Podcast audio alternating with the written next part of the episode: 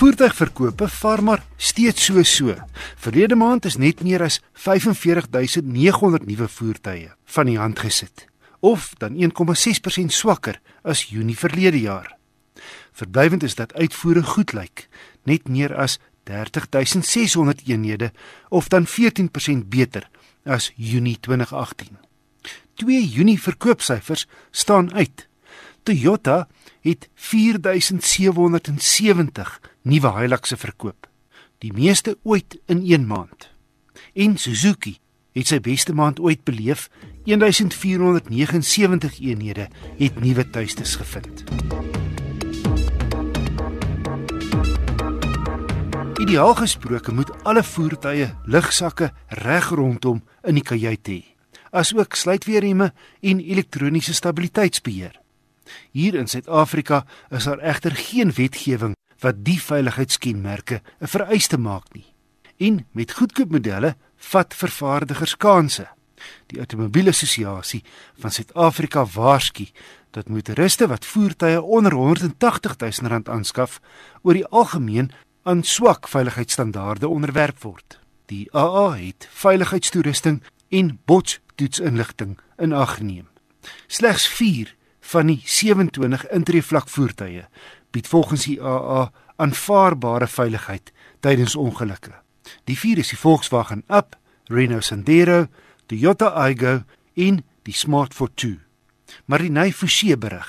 Die AA se woordvoerder, Luiten Beer, sê die minimum veiligheidsvereistes in Suid-Afrika is laer as die van Europa en selfs die Latyns-Amerikaanse lande.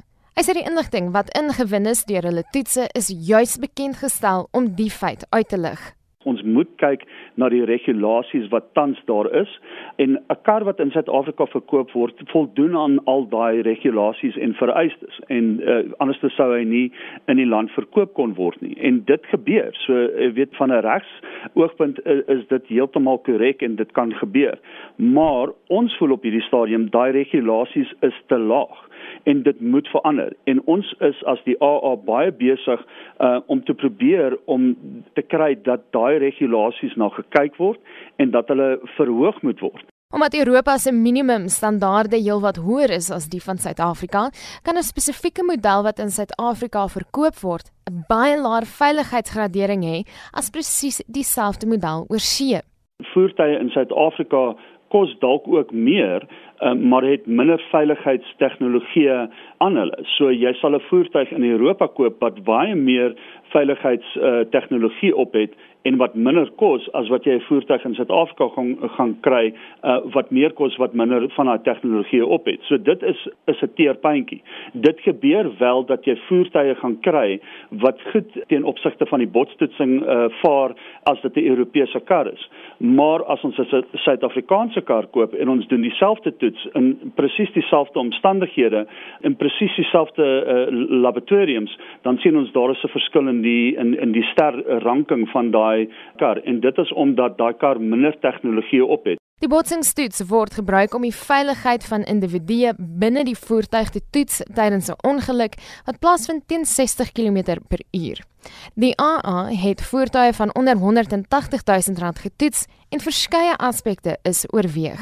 As jy kyk na byvoorbeeld wat hulle noem electronic stability control wat vir ons 'n baie belangrike uh, veiligheidsmaatreël is op 'n voertuig uh, anti-lock braking systems. Weer eens 'n baie belangrike veiligheidsmaatreël en dit kan wel help in die geval van 'n botsing of om 'n botsing te vermy ook. En dan het ons ook gekyk na die lugsakke wat uh, beskikbaar is op voertuie soos byvoorbeeld die drywer se lugsak het hierdie voertuie passasiers lugsakke is daar ander lugsakke be, be, uh, beskikbaar in hierdie voertuie?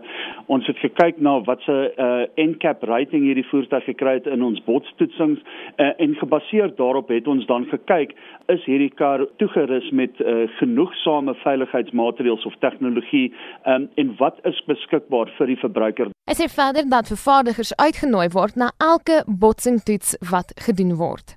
Julle kar word volgende maandag getoets. Wil julle by die toets wees? Julle is meer as welkom om julle ingenieurs te stuur na die toets en hulle kan kom sit en kyk presies hoe die toets saamgestel word en hoe die toets gedoen word. Verskeie vervaardigers kies egter om dit nie te doen nie omdat daar so gereeld toetse op voertuie gedoen word. Voordat die uitslae bekend gemaak word, word dit boonop direk met die vervaardiger se ingenieurs gedeel. Dit is die uitslag van die toetse. Het julle enige kommentaar, het julle enige bekommernis, wat stem julle nie saam nie en hulle werk deur dit voordat daai finale verslag uitgereik is. Hulle is dus bewus daarvan as hulle voertuie uiters swak uitslaa bereik het. Beet waarsku dat die goedkoopste voertuig heel moontlik in ongelukke een van die gevaarlikstes vir insittendes kan wees. Hy sê 'n verhoging van die minimumstandaarde kan selfs help om padsterftes te verminder. In 'n land soos Suid-Afrika waar omtrent 13000 mense 'n jaar uh, doodgaan op ons paaie, moet ons kyk na ander goed wat ons kan gebruik om daai syfer af te bring. En een van die dinge wat ons dink baie belangrik is, is dat mense in veiliger voertuie moet ry. En as jy in 'n voertuig ry wat hierdie tegnologie in het, gaan dit nie noodwendig keer dat jy in 'n botsing betrokke is nie. Dit gaan dalk jou help om as jy in daai situasie kom beter of die kar gaan beter manage as jy in daai situasie is. Ons voel net dat tegnologie wat daar is wat ons weet uh, veiligheid uh, bevorder, moet op alle karre beskikbaar wees. Maar ongelukkig is dit nie so nie. Nou as jy kyk na hierdie intree voertuie, is dit uh, gewoonlik voertuie wat mense koop byvoorbeeld vir hulle kinders of dis mense wat afskaal en um, hulle is dalk ouer mense wat nou kleiner karre wil hê. Um, en dit is juist die tipe mense wat ons voel um, meer veiligheid op karre nodig het as hulle bestuur. Hy waarsku inwoners om deeglike navorsing te doen voordat hulle 'n voertuig koop. Ons lewe in Suid-Afrika in hierdie bubble en ons dink jy weet ag niemand gaan vir my ietsie sleg aandoen. Jy weet ek sal by 'n handelaar instap en dit sal alles fyn wees. Maar as jy begin om hierdie goed te interrogeer met die ouens wat die karre aan jou verkoop, baie min van hulle weet af van al hierdie goed waaroor ons praat. En hulle sê vir jou sê ja nee, ons kan vir jou ESC en ABS gee, maar dit gaan jou R10000 ekstra kos. En ons voel net hoekom moet dit 'n opsionele ekstra wees? Hoekom is dit nie standaard op die voertuig nie? Dis standaard in Europa, maar hoekom is dit nie standaard hier nie? En dit is juist vir ons die groot probleem hier. So hoe weet mens dan watter voertuig om te koop? Ons het al die inligting van die internet afgekry. Ons het met die handelaars gaan praat, ons het hulle brosjures gekry. Ons het gekyk wat staan in hulle literatuur oor die karre wat hulle verkoop. En ons raai mense aan as hulle 'n kar wil koop, gaan doen presies dieselfde. Jy kan natuurlik ook uh, ek bedoel mense kan natuurlik na ons webtuise toe gaan by www.aa.co.za. Die verslag is daar.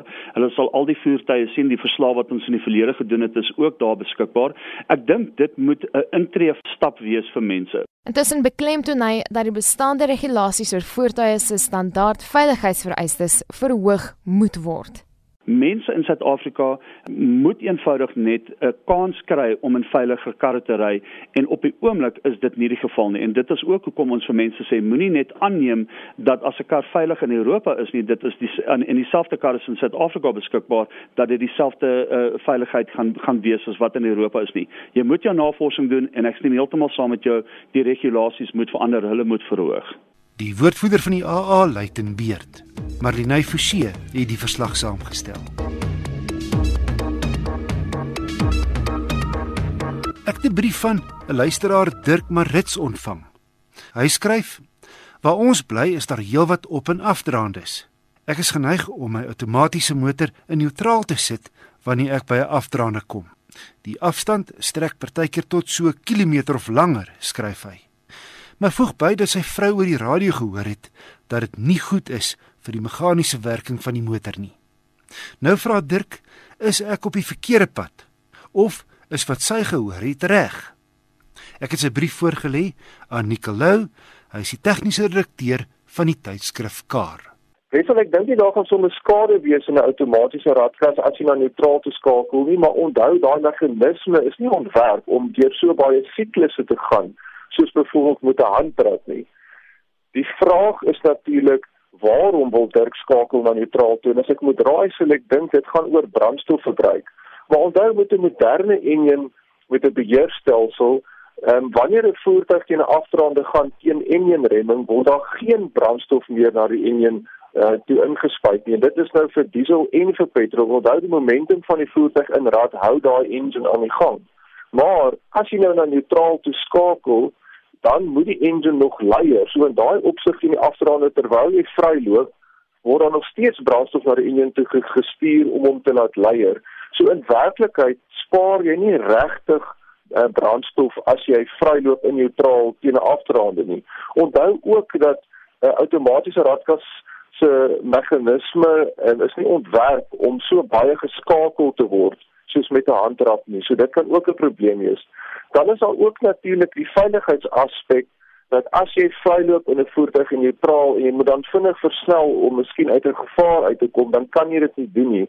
In daai opsig is dit miskien beter om die die radkas eerder dan in rad te los en dan as dit 'n baie styl afdraande is en jy's neutraal om te verseker dat jy dan nie te vinnig gaan nie, moet jy heeltyd op die remme wees natuurlik die bietjie basse wat jy gedink het jy spaar jy nou geld uitgee op op remblokkies en remskoene. So dis natuurlik ook dan 'n goeie gedagte nie. Ek sou eerder vir Dirk aanbeveel om die radkas eerder in rad te hou as neutraal uh, weens al die verduidelikings wat ek nou gedoen het. Nicolou die tegniese redakteur van Kar stuur gerus enige motornavrae aan my e-pos na wissel by rsg.co.za Volgende week weer 'n padtoets. Volvo se XC60 kom aan die beurt.